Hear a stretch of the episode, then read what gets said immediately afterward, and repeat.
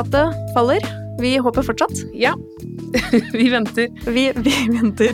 Og imens så Så er vi hjemme. Og vi er mye hjemme.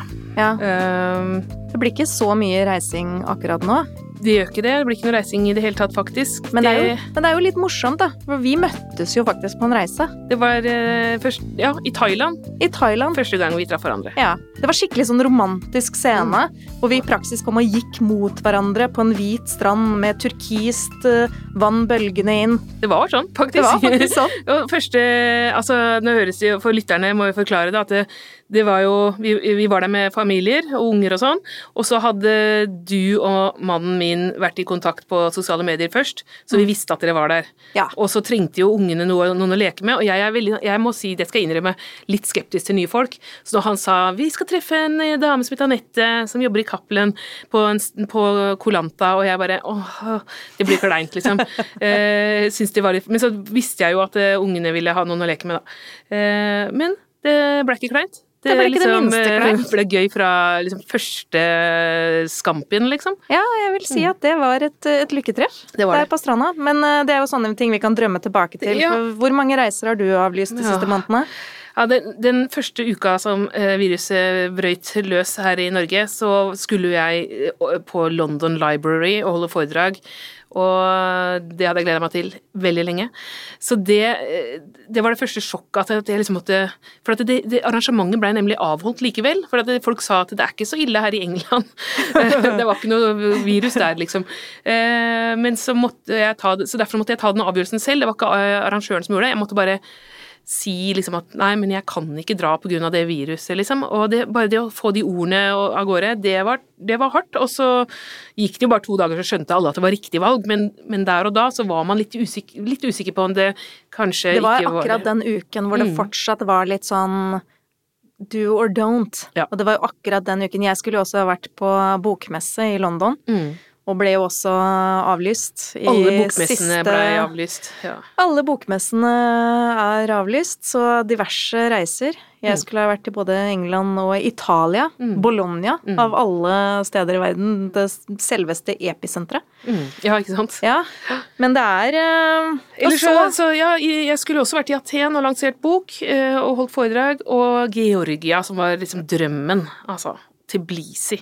Mm. Uh, så Men, herregud. Folk har verre enn eh, Ja, jeg, har har sagt til meg sjøl at jeg får sånn lov å si Jeg har ikke lov å klage på dette her. Nei, og så skulle jo vi, du og jeg, og, og noen venninner ja. ha reist til Budapest. Det, vi skulle vært i Budapest denne uka, mm, fire eh, venninner. Eh, bare sånn eh, hyggeopplegg. Mm. Spa, eller hva det heter. Er det spa det heter? Ja, ja. det er vel sånn. Spa. Eh, eh, mm. Også til, eh, holdt jeg på å si, det kanskje minst eh, feministiske landet ja, vi har. Det er litt rart å dra til Ungarn fire feminister eh, akkurat nå, eh, vil jeg si, så kanskje det var, var greit. Eh, Viktor Orban har jo utnytta denne koronakrisa noe så voldsomt til å ta, feste grepet ytterligere over landet. Mm. Eh, han, altså, Orban er jo da statsminister i, i Ungarn, og eh, i, eh, i, fjor så, så, fikk han grunnlovsfesta en uh, fin setning. Uh, det var nemlig 'Den heterofile kjernefamilien ut, utgjør grunnlaget for nasjonens overlevelse'. Uh, er jo, de er jo veldig mot homofile, men Men det er ikke ulovlig å være homofil i Ungarn? Nei, det er ikke ulovlig å være det, men eh, det er, de motarbeider det veldig. I Polen er det vel mer eller mindre snart ulovlig. Fordi der det er i hvert fall veldig upopulært. Ja, innført, og Russland. Ja. Og Russland også er veldig upopulært. Veldig upopulært, Men ja. Eh, i, i, i, Polen så har de innført sånne homofrie soner i veldig Altså det regjeringspartiet, som er eh, høyrepopulistisk, eh, nærmest fascistisk, de har eh, De kaller liksom store deler av landet for homofritt. Her er det ikke noe LHBT-ideologi, som de kaller det da. Mm. Men, men, han Orban igjen, da, han, han har jo også eh, lova at alle kvinner som får fire barn eller flere, skal slippe inntektsskatt. Eh, de vil jo at disse ungarske kvinnene skal føde masse. Eh, ja, Slippe inntektsskatt, da, men det blir jo sabla vanskelig å jobbe òg, da. Ja, men du får ikke så mye, har ikke så mye inntekt til å snakke om Hva eh, slags inntekt skal du ha med fire unger? Nei, det er jo helt absurd. Nei, Polen er Der blir det verre og verre nå. Men det var ikke det vi, vi snakka egentlig om noen hyggelige reiser og sånn. vi snakka om noen hyggelige reiser, ja. Det vil si, det hadde jo vært veldig hyggelig hvis vi hadde kommet oss til Budapest, det tror jeg jo. Absolutt. Egentlig. Det er en lille by. Jeg har vært der før eh, på, med Vigdis Hjort, faktisk. Det var jo toppen av, eh, av alt i fjor eh, på litteraturfestival. Kjempe Eller jeg, jeg, det var veldig hyggelig, men mm. jeg, man tenker jo når man, skal på, når man vet man skal på scenen med Vigdis Hjort, så tenker man jo at man kanskje skal få bli med henne ut og ta et glass vin etterpå ja. også. Men hun er jo veldig mye streit feitere enn man tror. Da. Hun jobber jo hele tiden. Så hun satt jo eh, Først var hun på scenen, det var hyggelig, og så skulle, satt hun 24 timer eh, i strekk etterpå på hotellrommet for å ta igjen tapt, tapt arbeidstid. Ja, hun er, uh, har ganske god disiplin. Ja, så jeg uh, gikk fra bar til bar, da. Ja. Aleine. Men det er jo også Vi snakka jo om det, vi så denne fantastiske annonsen som du hadde funnet for disse fotefarturene. Ja, jeg tok med den her, for at uh, dette er en annonse som blir trykt på, med jevne mellomrom i Klassekampen. Fotefar, temareiser, uh, sånn historiekultur Altså, du, du, kan liksom dra på tur med noen av disse folka her, og så få masse historier fortalt, da. Men det er liksom Se uh, så Vel, ser du noe, kan du se noen fellestrekk med de fleste på denne? Det er ganske maskulint, og så er det jo stort sett ganske grått. Ja. Vi snakker Hans-Wilhelm Steinfeld. Sylfest Lomheim. Ja. Edvard Hoem. Olav Stedje. Torgrim Title altså, Eva, Eva Brattholm er Eva Brattholm. Ja, ja. Hun, hun, er gift, hun er gift med han, Joar Hoel Larsen. Ja. Men, uh, men og Simen Ekern er vi jo Simen ganske Simen Ekern hadde vi dratt på tur med når som helst. Han hadde vi definitivt dratt på tur med. Men uh, ellers så er det liksom bare sånn altså, Dra på tur med mansplainere, og så få, skal de gå rundt og, og fortelle deg om eh, altså, tre Det minner om sånn tre muntre herrer i Roma. Har du sett det? Ja, ja, absolutt. Eh, så, så, når jeg så det her, så tenkte jeg de trenger eh, litt friskt blod. Um, og det har jeg tenkt å foreslå oss. Ja. Ikke sant? Altså Patriarkatet faller, eh, podkast, bli med oss på tur. Når selvfølgelig det er lov å reise igjen, da. Det hadde vært noe. For da kan vi jo eksempel dra til London. Ja, London er jo, er jo, en veldig viktig by hvis man skal gå i feminismens eh, fotspor. Da. Eh, for eksempel suffragettene kan man jo da eh, oppsøke.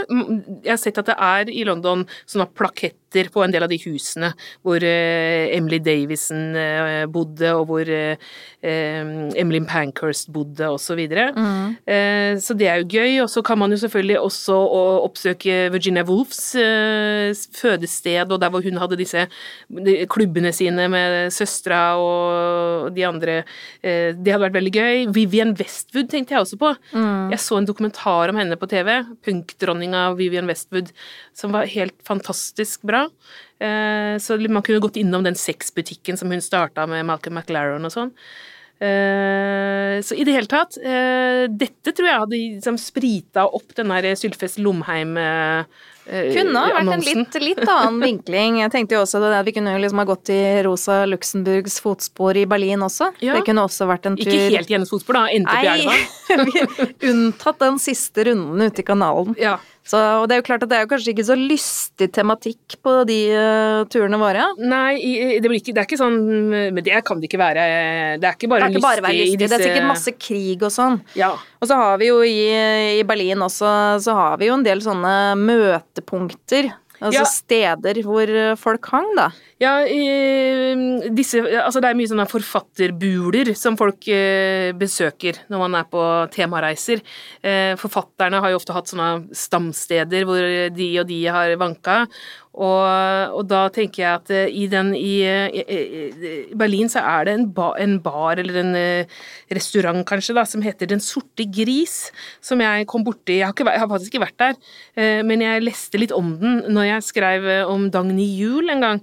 Dagny Juel var jo en norsk forfatter og kunst- eller kulturpersonlighet fra Kongsvinger, som er mest kjent i ettertid, dessverre, for å ha vært musen til diverse menn, blant annet Edvard Munch, da, som malte henne og sånne ting. Og så har man glemt det at hun skrev veldig At hun var temmelig talentfull selv, Ja, rett og slett. Ja, og hun skrev jo veldig eh, vågale tekster og bøker, eh, eller ikke bøker, men noveller og historier om kvinner som brøyt med alle datidas eh, normer og regler. Og det gjorde hun for så vidt sjøl òg. Hun liksom kledde seg litt ekstravagant og var jo eh, røyka og drakk og sånne ting, og fikk jo da Hun blei slutshama, eh, rett og slett. I massevis. I massevis. Ja. Blant annet på denne puben, da, fordi at hun begynte å henge Den het Sums Du kan mer tysk enn meg. Sumschwarzenferkel. Ja, Eh, det er eh, den svarte grisen, det. Ja. Og der eh, kunstnere fra hele store deler av Europa vanka der eh, i langt Nå snakker vi 1880-tallet. Eh, Edvard eh, eh, Munch, eh, blant annet, som tok med seg eh, Dagny ned dit. Sånn avantgardistisk miljø. Og August Strindberg hang jo der. Mm. Eh, Han var og- ikke noe glad i Dagny Juel, han heller. Nei, altså først var han det. For han, eh, han ble kjempeforelska i henne. Og eh, ifølge et brev han skrev til sin forlegger, da, så var de også elskere i noen uker. Det kan, kan jo ha vært skryt, da, for menn sier jo ofte sånn til hverandre. Men han mente jo det. Men Dagny var ikke interessert i å innlede noe forhold til Strindberg, for hun mente nemlig, quote, han er for gammel og feit. Eh, han blei jo da ekstremt fornærma over dette her, og ble avvist. eh, Og dette evig latente kvinnehatet flamma voldsomt opp, altså helt ekstremt. Han blei så aggressiv, da. Kalte henne for hore og slange og et råttent åtsel, og spredte masse løgnhistorier om henne, da. Og på den tida så var det ganske dramatisk for en dame, hvis du uh, Hvis man begynte å, å spre uh, Og da snakker vi ikke gamle dagers eh, jodel, mens da dreiv de faktisk aktivt og under fullt navn og slang rundt seg med den slags eh, Og sendte brev til hverandre Ja. og sånne ting. Ja. Eh, han, han, sa, han skriver Hun var en vampyr hvis favntak dreper, og en heks hvis rette endestasjon er bålet. Eh, men eh, greia var at hun etter hvert da gifta seg med en eh, polsk poet. Stanislavski Prybskisi. Lettere kalt Statsju. Det var det han gikk under, da. Eh, og, og så ble han var alkis, og de reiste rundt og fikk ganske tøft liv, da, fordi han eh, var ikke så lett å ha med å gjøre. Eh, utro hele tida, men det var hun også, kom det fram etter hvert. Så det, de hadde vel kanskje en avtale, jeg vet ikke. I så fall så endte de jo opp i Tiblisi, som vi var inne på i stad, i Ikke sant? Der hvor jeg skulle. Jeg hadde jo lyst til å dra på grav Hun ligger gravlagt i Tiblisi. Eh, døde på det som skulle ha vært sin Eller hun ble begravet på det som skulle ha vært hennes 34-årsdag. Eh, fordi hun ble skutt og drept av en eh, eh, beundrer på dette hotellrommet, da. Eh, veldig skandalisert var hun blitt da. Men også den der eh, sortegrispuben, eh, Oda Krog var jo også der en del. En annen kvinne med litt sånn parallell historie, fordi at man liksom tenker mer på henne som en muse enn som en eh, selvstendig kunstner, eh, dessverre. Selv om det er et fantastisk bilde av henne som henger på Nasjonalgalleriet. Men eh, i hvert fall, hun, det syns jeg var litt artig, for hun dro nemlig eh, var på Den sorte gris og bestemte seg for å stemme gitaren til August Strindberg. Eh, de, kunne, de var veldig musikalske i den familien. Søstera hennes var jo Bukken Lasson og sånn, så de hadde sikkert eh, lært seg å spille gitar, da. Også, men han blei så fornærma. Det ble sett på som et veldig som veldig sånn eh, ydmykende at det kom en kvinne og stemte gitaren hans. Så han lagde en sånn oppstuss av dette her, sånn at eh, Gunnar Heiberg måtte forsvare Oda Krog, og det blei bråk på hele denne berlinske La oss bare slå det fast at eh, August Strindberg var eh, lett å fornærme, og Ja. han hadde en tendens til å ta litt av. Han tok litt av. Så, men dette skjedde altså i Berlin. Jeg tenker at eh, hvis vi skulle hatt sånn derre gå Bli med oss på temareise med fotofar, mm. så hadde vi i hvert fall tatt en tur innom den eh, kneipa. Absolutt. eh, Og fortalt disse historiene. Kanskje en tur innom den svenske gylne freden også. Ja, der har vi jo et annet, eh, skal vi si, vannhull. I Stockholm. Hvor, eh, holdt jeg på å si, det var ikke så kvinnevennlig der heller. Nei, det var veldig mye Det er liksom sånn sex, sexismens eh, vugge, kan man kanskje kalle det, Ja, i Sverige. både før og nå. Ja. Nå nå, det er jo ikke alle som kjenner til dette her, eh, så vi kan bare si sånn stikkord at dette handler om Svenskeakademien. Mm, det gjør det. Eh, og det handler om eh, Bellman som vanka der, og om eh, Vresvik som vanka der, og mye, mye annet. Men, det, men, vi har egentlig bestemt oss for oss å vente litt med den svenske akademien. Vi skal helt klart tilbake til Gylne freden på et eller annet tidspunkt, men jeg syns jo også det er litt interessant når vi snakker om disse vannhullene og om disse barene eller uh, restaurantene med skjenking, mm. så er det jo litt interessant å se på da forskjellen på hvordan vi har hatt denne aksepten for at uh, mannlige kunstnere og genier de drikker og er alkoholikere, og det er liksom en del av deres genialitet. Mm. Og så har vi de kvinnene som drikker og er alkoholikere ikke fullt så Nei, eh, altså det er jo eh, faktisk gjort undersøkelser på dette her, at eh, folk, da, både kvinner og menn, syns det er mye verre med eh, fulle damer enn med fulle menn. Altså mens liksom en mann som er full kan være litt artig, eller det blir sett på som en sånn nesten naturlig del av mannsrollen, at han trenger liksom å og får et utløp eh, en gang iblant, og, og, det kan være litt moro, så er liksom fulle kvinner det er alle enige om at det er skikkelig skikkelig nedrig, liksom. Mm. Uh, og vi tenker med en gang på det. Det er ikke morsomt, det er tragisk. Og hun er dårlig mor, selvfølgelig. Og ja, ja, med en gang. Det må ligge noe dypt galt bak uh, dette her. Men jeg, det skriver jeg, og har jeg også skrevet litt om, for jeg, jeg, jeg, leste nemlig to sånne biografier, nå er vi inn, tilbake på svenskene, da, mm. uh, om Det var selvbiografier uh, av svenske skuespillerne Tommy Berggren og Michael Persbrandt, og de skriver om sitt, e, sitt liv da i teaterbransjen. Og Tommy Berggren blant begge to har jo mis, misbrukt mye. Eh, mm. Prostituerte og sine egne eh, hustruer, holdt jeg på å si. Eh, ja, mye stoff og mye kokain. alkohol. Ja. Men, eh, men, Tommy Berggren, da, han, er, eh, han, har faktisk spilt August Strindberg i en sånn kjent Strindberg-TV-serie veldig bra rollevalg. Castinga var på topp. Men han eh, var jo alkoholiker i mange år, og, og, det, og, levde ut dette. Alle visste det, og han eh, oppførte seg som en dritt på Dramaten som han var ansatt, eh, og lot det gå utover veldig mange, uten at det fikk noen konsekvenser, da. Og nå snakker vi jo sant, en del tiår før metoo, som virkelig røska opp i Dramaten og arbeidsmiljøet mm. der. og så var det da noe som jeg noterte meg, for det var en Eh, svensk regissør som heter Martin, Martina Montelius. Hun eh, hadde også lest denne biografien eh, til Tommy Berggren, hvor han kommer liksom litt unna med det hele, da, med altså disse historiene som er drøye, med litt sånn sjarm og glimt i øyet, og så syns folk at ja, ja, det er bra, han er ærlig i hvert fall, ha-ha. Og så skriver hun liksom at Eh, ja, jeg skal lese opp. Forestill dere en beundret kvinnelig skuespiller, altså hun snur på rollene her, kvinnelig skuespiller som sitter dritings og pisser utenfor teatret hvor hun jobber, en kvinnelig regissør som er så sterkt avhengig av narkotika at hun stjeler lommebøker fra kolleger på teatret og vinflasker fra teatrets restaurant. Tenk dere en rikskjent skuespillerinne som krever å ha sex med yngre kolleger og får raserianfall om hun ikke får viljen sin, eller som skjeller ut personalet på arbeidsplassen, ville hun fått fortsette å jobbe fordi hun er så begavet, fordi hun trekker så mye publikum? Nei, det ville hun ikke. Hun ville umiddelbart ha blitt sykemeldt og sendt til behandling. Og det følte jeg var bare, ja, på sin plass. Ja, og det føler jeg jo også er noe som går igjen da gjennom generasjoner, for sånn som vi snakka om disse kvinnene som ble regnet mer som muser, og var eh, sammen med disse mennene sine på bar tilbake på 1800-tallet også, så mm. var jo tilfellet sannsynligvis eh, ganske likt. Mm. Det var liksom noe var innafor, og noe var ikke det.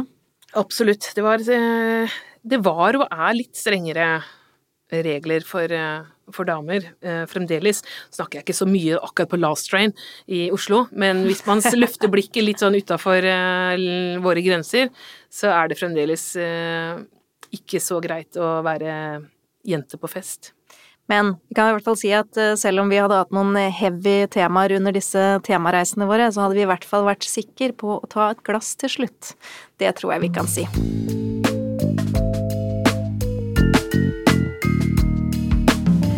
Du, jeg har fulgt med på en sånn uh, føljetong, eller farse kan det kanskje kalles, i Dagens Næringsliv i det siste. Har du lest det om den derre herreklubben Det Norske Selskap?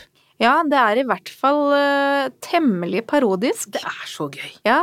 Altså, det er jo det er full splittelse i denne klubben nå, da. Mm. Uh, Den rakner for åpen scene. Nå var det sist uh, han felespilleren Arve Tellefsen som meldte seg ut i protest. Og det er flere som har meldt seg ut, og det er jo da fordi noen, altså blant, blant annet ledelsen i den klubben, har lyst til å de, ikke, De har ikke sagt at de har lyst til å åpne for at kvinner skal få bli medlem, men de vil åpne for at det skal kunne diskuteres om at kvinner skal bli medlem. Og her står striden. Ja, eh, de, blir, de er helt rasende, disse mennene. Altså, den klubben er jo da Den er fra 1772.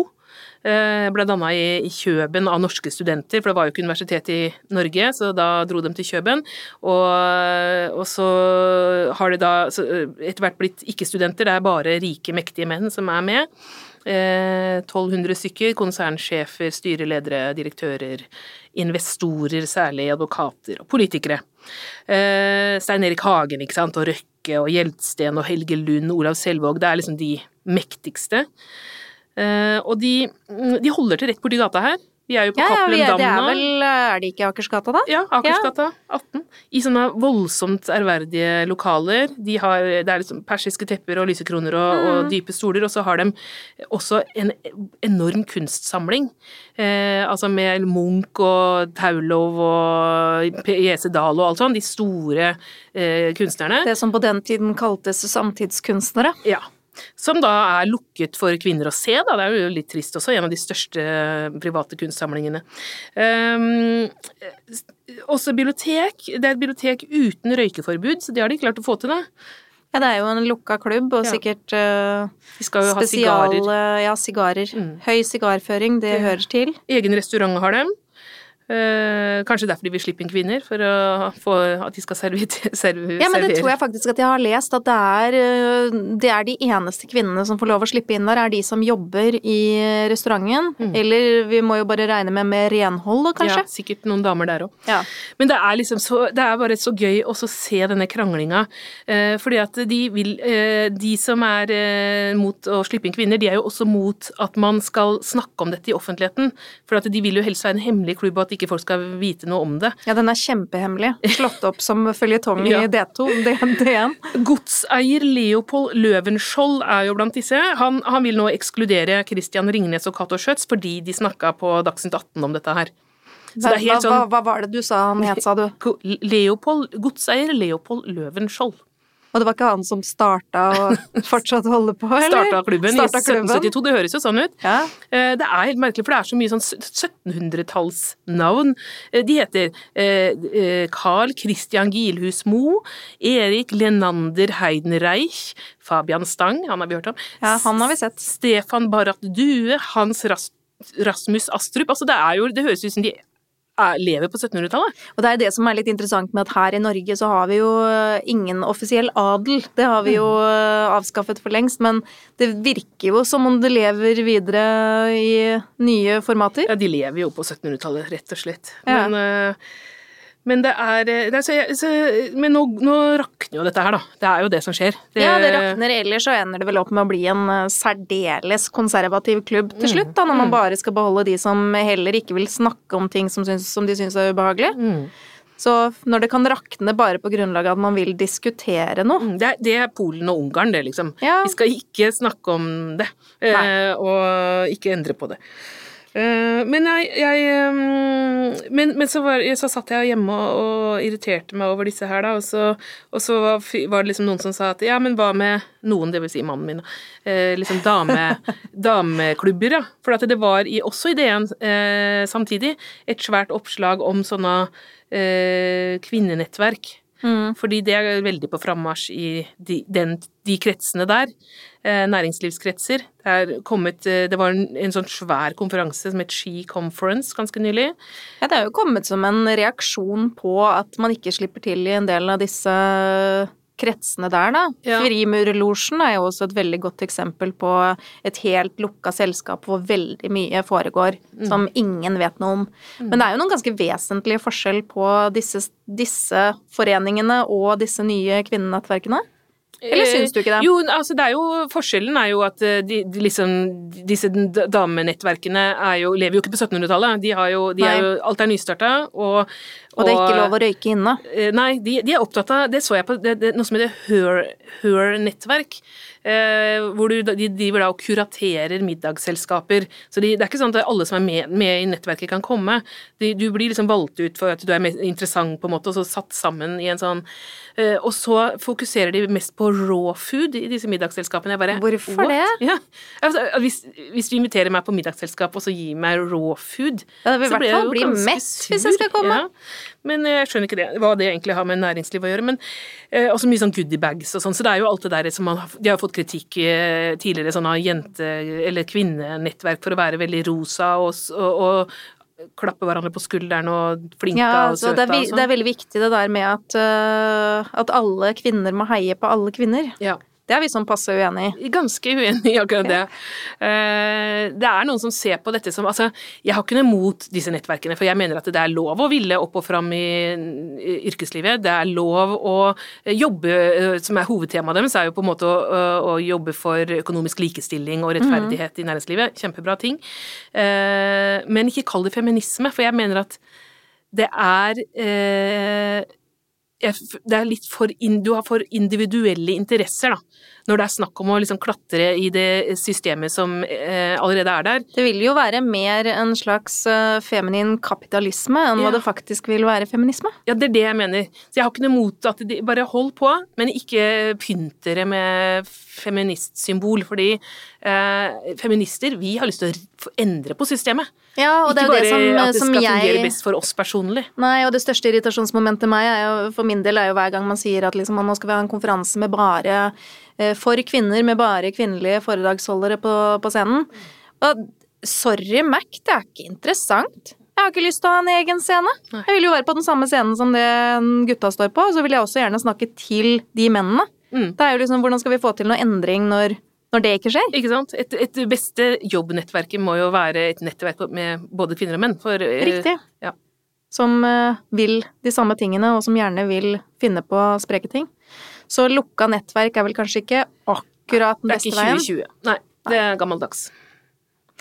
Men la oss nå se på dette her med reisemål. Vi har snakka ja. om det så vidt tidligere, at uh, rett og slett noen topp fem-kåringer. Uh, ja. Jeg syns at det er på tide å ta en liten kåring av de riktig uh, Hva skal vi si, da, de absolutt mest antifeministiske reisemålene akkurat nå. Akkurat nå. De vi, de, dit vi ikke vil dra. Eller det vil si, vil vi ikke dra dit? Jo, det, man kan jo kanskje jeg, jeg, har jo vært på noen av disse som vi ramser opp her, jeg, sånn at vi ja, La oss høre. Hva, ja, hva har du på lista di? Jeg tror vi rett og slett eh, vi starter med topp fem, og vi begynner på bånn av lista, da. Mm. Eh, nummer fem så finner vi Brasil. Ja, Brasil eh, fikk jo en ny president i fjor, Bolsonaro, hvis han lever ennå. Han eh, ja, så ut som han det. var Nå driver han jo og risikerer riksrett, så vi kan jo bare krysse fingrene og håpe på det. Det mm. skjedde jo ikke med Trump, så da kanskje de kommer litt lenger i Brasil. Ja, håper det. Men ting har jo ikke blitt uh, særlig trivelig under Bolsonaro. Nei, det har ikke det. Jeg, eh, jeg, jeg var jo i Brasil i, for uh, halvannet år siden. Uh, var, da var han valgt, men hadde ikke tiltrådt ennå. Men, og jeg var satt på scenen sammen med det, det som jeg trodde var, skulle være feminister. For jeg var liksom blitt satt på i mange sånne paneler, og så var det liksom med lokale feminister. Men det var nesten ingen av dem som brukte det ordet eller turte å kalle seg feminist. Og det var heller For det er veldig kontroversielt der, og han er jo gått hardt ut mot kjønnsforskning, blant annet. Mm. Eh, homofile. Homofiles rettigheter, og, ja, homofile i det hele tatt, på, som deres eksistens. Eh, han ja, det har bare blitt verre. Det er veldig lite å like. Det, det, det, ja. det, var veldig fint i Rio de Janeiro, blant annet, og ikke Sa Paulo, men Rio de Janeiro var veldig fin. Jeg, jeg skulle gjerne dratt tilbake, men venter til han er død av korona. Ja. Satser på at det er visse muligheter for det. På fjerdeplass har vi Russland. Ja. Eh, Russland, eh, der går det dårlig for tida eh, på det te temaet som vi er interessert i, eh, likestilling. Eh, en av de verste tingene som har skjedd der de siste par åra, eh, mener jeg, er at de fjerna loven mot å slå partneren sin. Det var jo forbudt eh, på vanlig måte med vanlige straffer, eh, men så mener jo da myndighetene at det er å blande seg utidig inn i familiens interne eh, anliggenheter. Eh, og er, vold mot eh, kvinner er et enormt problem i Russland. Eh, mye, mye større enn i mange land man kunne sammenligna med. men nå kan man få bare en bot, da, hvis ikke hun blir alvorlig skadet, hvis det bare er liksom litt skade og ikke så, så litt bank er liksom litt, litt bank. Eh, da, Mens litt mer bank, så får de en bot. De kommer ikke i ja. fengsel. Nei, ikke fengsel. Nei. Du får en bot som er på linje med altså det er 5000 rubler, da, det er ca. 700 kroner. Så som om du hadde feilparkert, eller eh, røy, eh, hvis du røyker på feil sted. Det er, det er da på linje med å banke kona mm. si. Eh, Russland er jo også eh, veldig kritiske til eh, seksualundervisning, holdt jeg på å si. Altså, mm. De vil ikke at eh, unge skal få høre noe om eh, sex og samliv, og i hvert fall ikke om homofiles rettigheter. Det har jo ført til at eh, min tegneseriebok 'Kvinner i kamp' er solgt med 18-årsgrense. Og det var jo også en ganske, siden jeg da er din litterære agent, mm. så kan jo jeg også si at det var en ganske interessant prosess frem mm. mot å selge boka til Russland. Mm. Fordi det var mange skjær i sjøen før den boka faktisk kunne komme i trykk. Ja, første runden Først. så ville de at vi skulle fjerne hele kapittelet om homofile. Mm. Men det ville vi jo ikke. Og så blir det da denne nødløsningen med plast. Og grunnen til at jeg aksepterte det, var jo at jeg hørte at det var ganske vanlig der. Det var mange som, For eksempel Gleden med skjeden, eh, som handler om underlivet. Den norske boka, den er jo eh, knallbra. Den blei jo også solgt med plast, da. Mm. Og så kan man jo håpe at det kanskje folk blir litt mer nysgjerrig, ikke sant. Så det virker jo som det, for det, det har jo gått godt med boka i Russland. Så, ja. så, jeg tror den når ut, for det er jo også sånn i Russland at det er jo vanskelig å være aktivist mm. når du ikke kan demonstrere, for eksempel. Mm. Uh, man har jo egne regler på det òg. Ja, nå er det, det er liksom blitt uh, Demonstrasjonsforbud ble innført i, i, fjor. Det går jo litt opp og ned, for det var jo noen som demonstrerte likevel når, på disse valgene. så det, de forandrer politikken sin veldig mye, eller jevnt og trutt. Da. Plutselig så er det noe som er lov Du kan liksom aldri vite helt hva som er lov og ikke.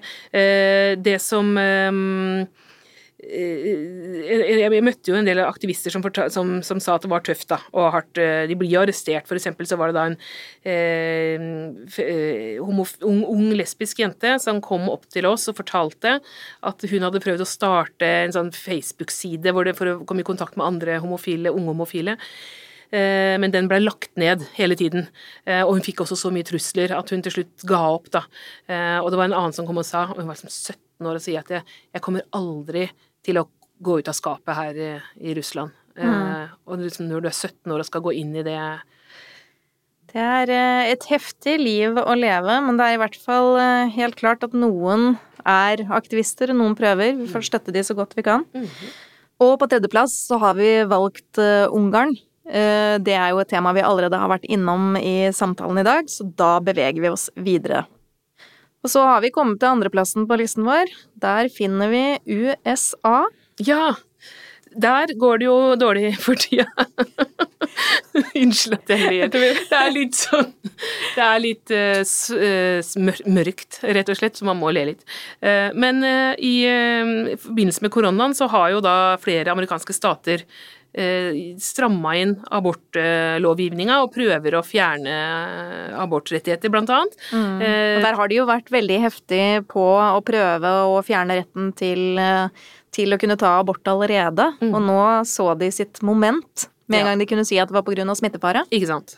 Ja. Og i tillegg så har jo eh, Donald Trump eh, innført den derre eh, global gag rule, som de kaller det da. Det betyr at det, eh, det første han gjorde når han satte seg ned bak eh, denne pulten, var å fjerne all økonomisk støtte til organisasjoner rundt i verden som hjelper kvinner eh, ikke bare med abort, men også med prevensjon. Altså med familieplanlegging, rett og slett. Rett og slett.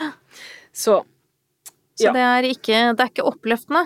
Vi Man kunne hatt et helt program om eh, hva USA hva gjør gærent på dette feltet, Hva som er men, ja, men, eh, men, vi får eh, stoppe der. Og så har vi på førsteplass nå, sånn som vi også har vært innom før, Polen. Ja, det er mørkt, altså. Det er, det er så sørgelig. Um, både dette med abort, vi bør ikke snakke mer om det, men det, en annen ting som er skummelt der nede, er at de driver med noe som de kaller for anti-gender eh, politikk, da. Eh, regjeringspartiet har hatt en anti-gender-kampanje. De er mot dette ordet gender, som eh, betyr sosialt kjønn. Eller genus, som man sier på svensk også.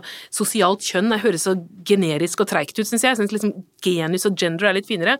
Men det betyr jo på en måte eh, alt som ikke er det biologiske, ikke sant. Men, men det at man kan snakke om kjønn på, på andre måter, ikke sant. Det er hvordan man uttrykker kvinnelighet og mannlighet, og at dette forandrer seg Eh, fra liksom det, Vi gjorde det på en måte på vikingtida og en annen måte på 1800-tallet, og det er ikke noe statisk kategori.